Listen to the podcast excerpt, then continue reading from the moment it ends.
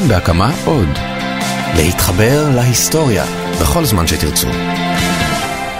דמיינו איך זה להיות בשיא ההצלחה שלכם. אתם אהובים, אהודים, אתם יוצרים משהו שנוגע בהמונים, נישאים על גלי הערצה, עושים שינוי, ואז, כששום דבר לא יכול להיות טוב יותר, זה נגמר. וזה נגמר בצורה הכי סופית שיש. זה נגמר במותכם. מועדון ה-27 מלא באומנים שלא שרדו לחיות עד גיל 28. מככבים שם שמות כמו ג'ימי הנדריקס, ג'ניס ג'ופלין, ג'ים מוריסון, בריין ג'ונס, קורט קוביין, אימי ויינהאוס ועוד רבים וטובים מאוד. כרגע יש שם 61 זמרים, יוצרים, נגנים, שחקנים ואומנים. אבל מי היה הראשון שנכנס למועדון המפוקפק הזה? אני ערן מנהר ואתם על מנהר הזמן. מדי פרק נספר לכם על מקרה שקרה בעבר, מזווית שכנראה עוד לא הכרתם. הפעם נדבר על מוזיקה, ולא סתם על מוזיקה, אלא על מוזיקה ומוות.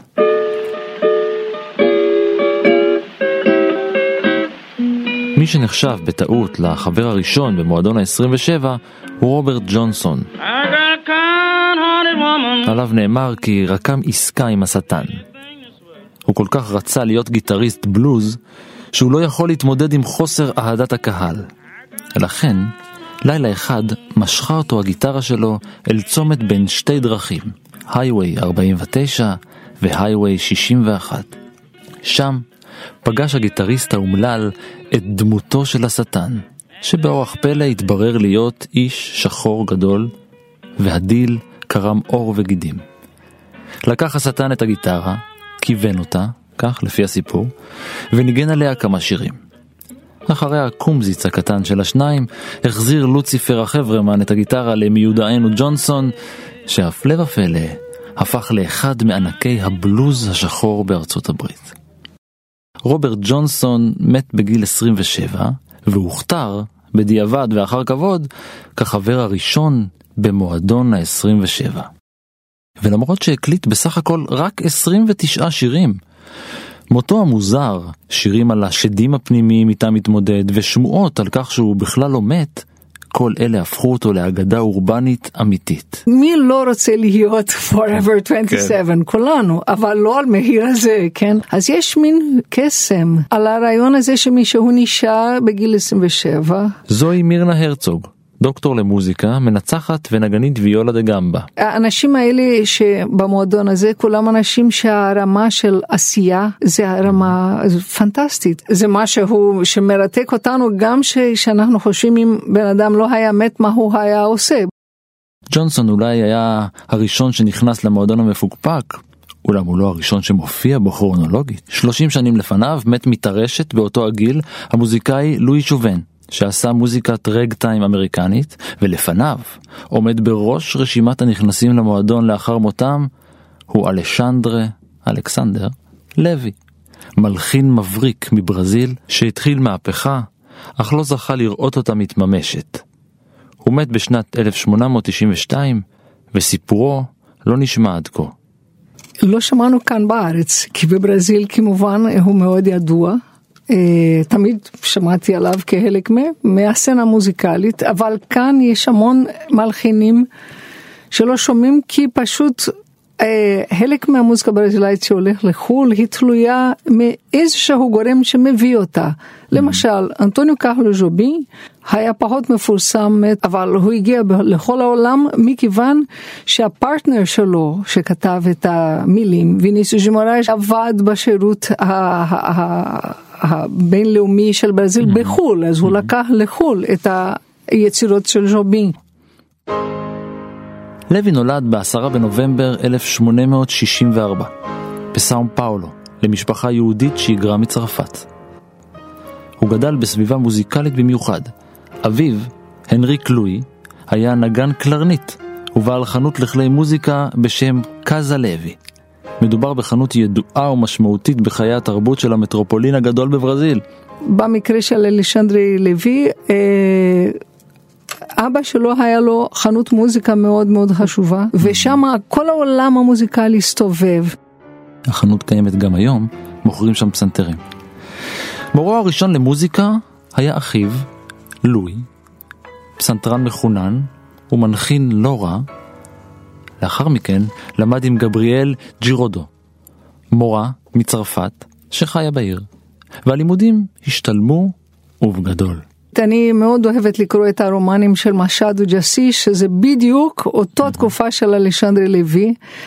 ושהוא מתאר איך אנשים חיו. אנשים היו במיוחד בתוך הבית. ובתוך הבית אז הם ארגנו כל מיני דברים, למשל כל ארוחה היו תמיד אורחים, מדהים. תמיד אחרי ארוחה ניגנו או שיחקו. בסלונים האלה אנשים באו מסלון לסלון באריסטוקרטיה ו... זה היה חלק מהתרבות. יש עולם שהוא מאוד מאוד פעיל, בלי אינטרנט, בלי כלום, שרק בדרך הזה. רק בהאזנה, כן, רק מאחד כן. לשני. ככל הנראה שאב לוי השראה רבה מהתרבות הצרפתית. בבית דיברו את השפה, אביו היה צרפתי ואימו נולדה בחלק הצרפתי של שווייץ. על כן כמלחין נתן לוי ליצירותיו כותרות בצרפתית. קודם כל הוא היה עילוי, הוא היה בן אדם עם כישרון פנטסטי. בגיל שמונה הוא כבר התחיל לתת קונצרטים בפסנתר ואנשים עשו השוואות עם מוצרט כי הוא היה באמת מבריק.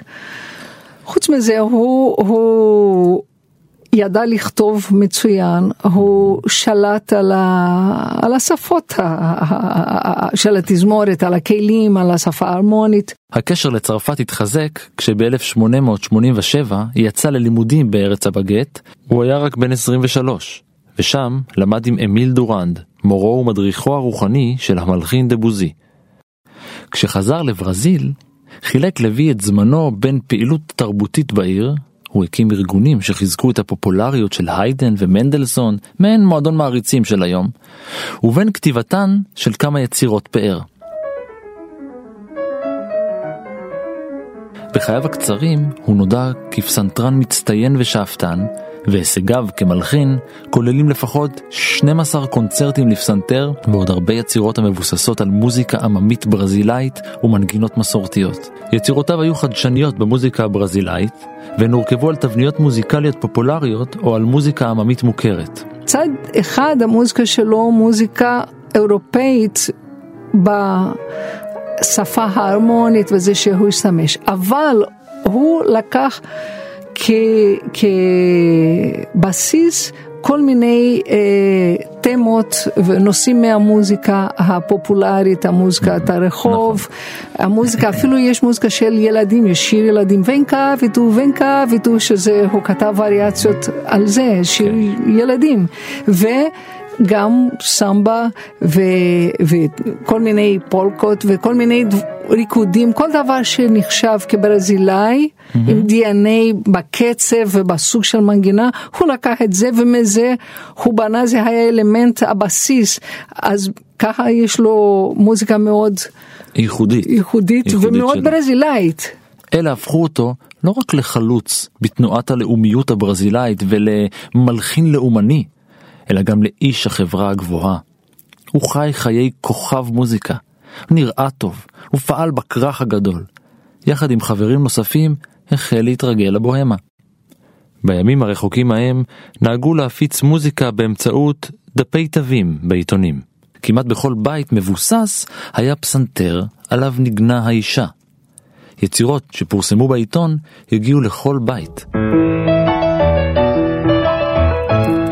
היצירה לפסנתר בשם טנגו ברזילרו, למשל, פורסמה ב-1890 בעיתון אודיאריו פופולר, כמתנה לקוראינו החינניים, הסבירו שם.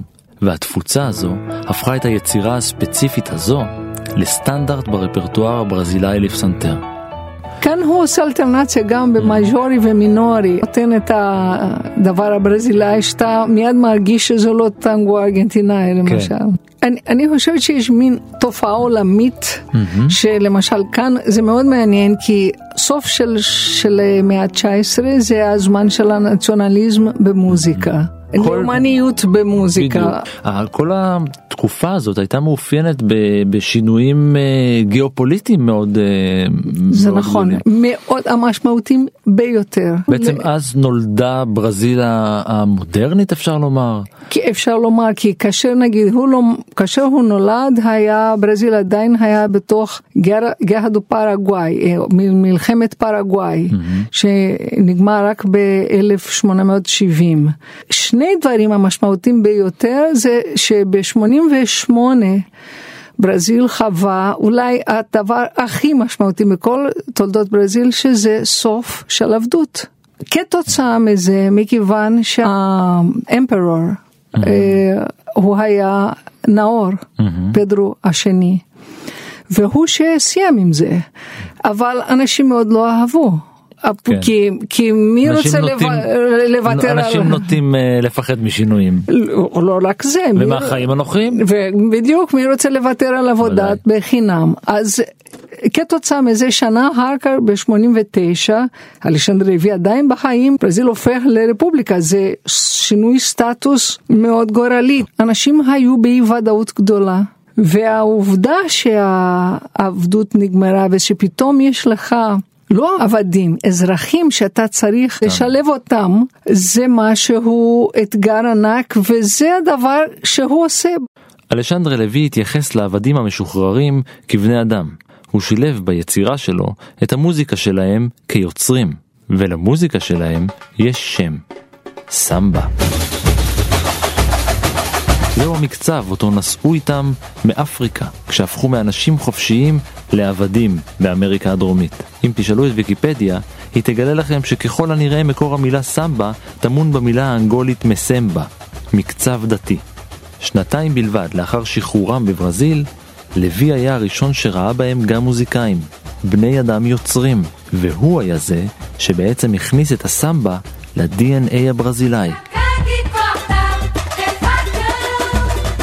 והוא היה מין אידיאולוג, הוא עשה דברים, גם מי שהוא שם לב שביצירות שלו, הוא לא התחיל עם הדברים הנטורליסטיים, עם הדברים הנציונליסטיים, כן? Mm-hmm. זה בתוך הפאזה האחרונה של החיים הקצרים שלו, כן. זה היה הדבר שאפיין, שזה מראה שזה לא משהו שעבר, מין פאזה שעבר, לא, זה mm. היה הדרך שהוא בחר. הייתה לו אמירה. שזה בדיוק אותו הדבר, אה, זה אתה...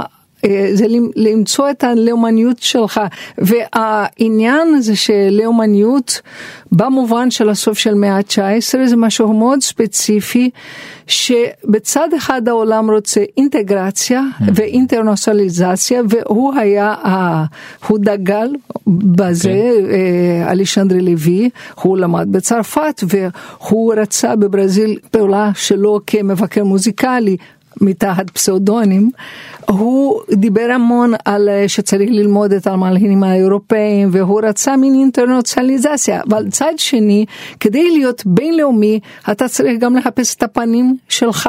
כן. הפנים הלאומיים, והוא הראשון בתולדות ברזיל ש...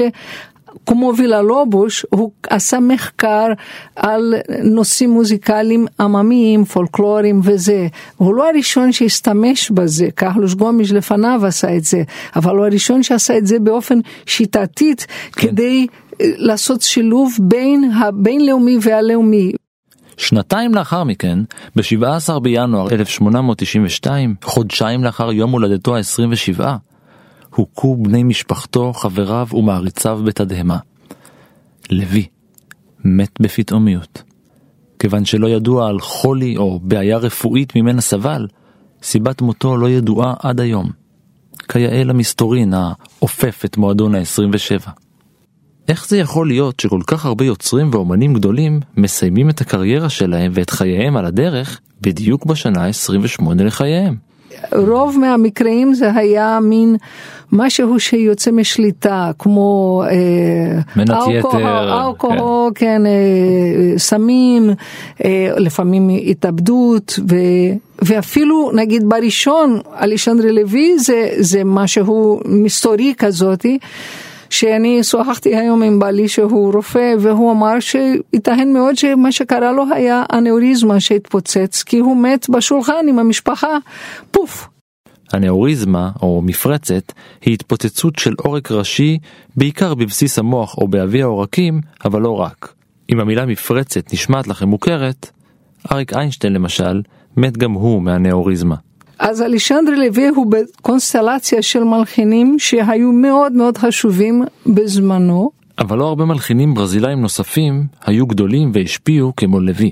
בין, בדור שלו אלברטו נפומוסנו הוא נגיד המלחין הכי חשוב ועשרים שנה אחר כך נולד וילה לובוש שזה בטוח הדמות ההיא מוכרת של, ה, של הדור הזה אז וילה לובוש יישם כל דבר ש, שלוי התחיל אז סביר להניח שאם אה, לוי לא היה מת שהוא היה פועל עם וילה לובוש קשה לדעת בוודאות איך הייתה נראית ונשמעת המפה המוזיקלית של ברזיל אם לוי לא היה מת. סצנת המוזיקה הברזילאית במאה ה-19 הגיעה לשיאה עם יצירתו של לוי. מוזיקה פורצת דרך, במיוחד בתקופה הרת גורל למדינה, לתושביה הוותיקים ולאזרחיה החדשים, כשברזיל הופכת לאומה חדשה. בטוח אלישנד לוי היה משנה את המפה של המוזיקה הברזילאית, זה, כן. זה ברור.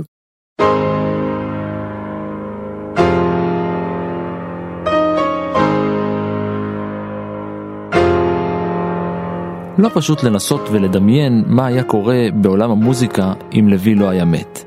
מה היה קורה לעולם הגראנג' אם קורט קוביין לא היה מתאבד.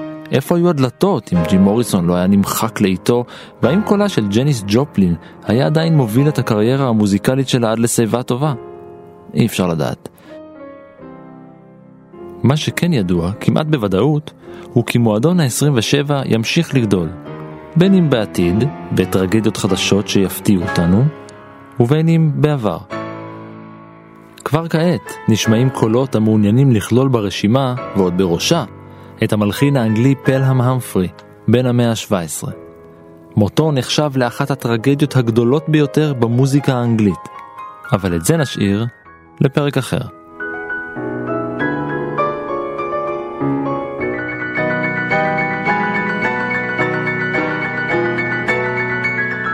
תודה לדוקטור מירנה הרצוג.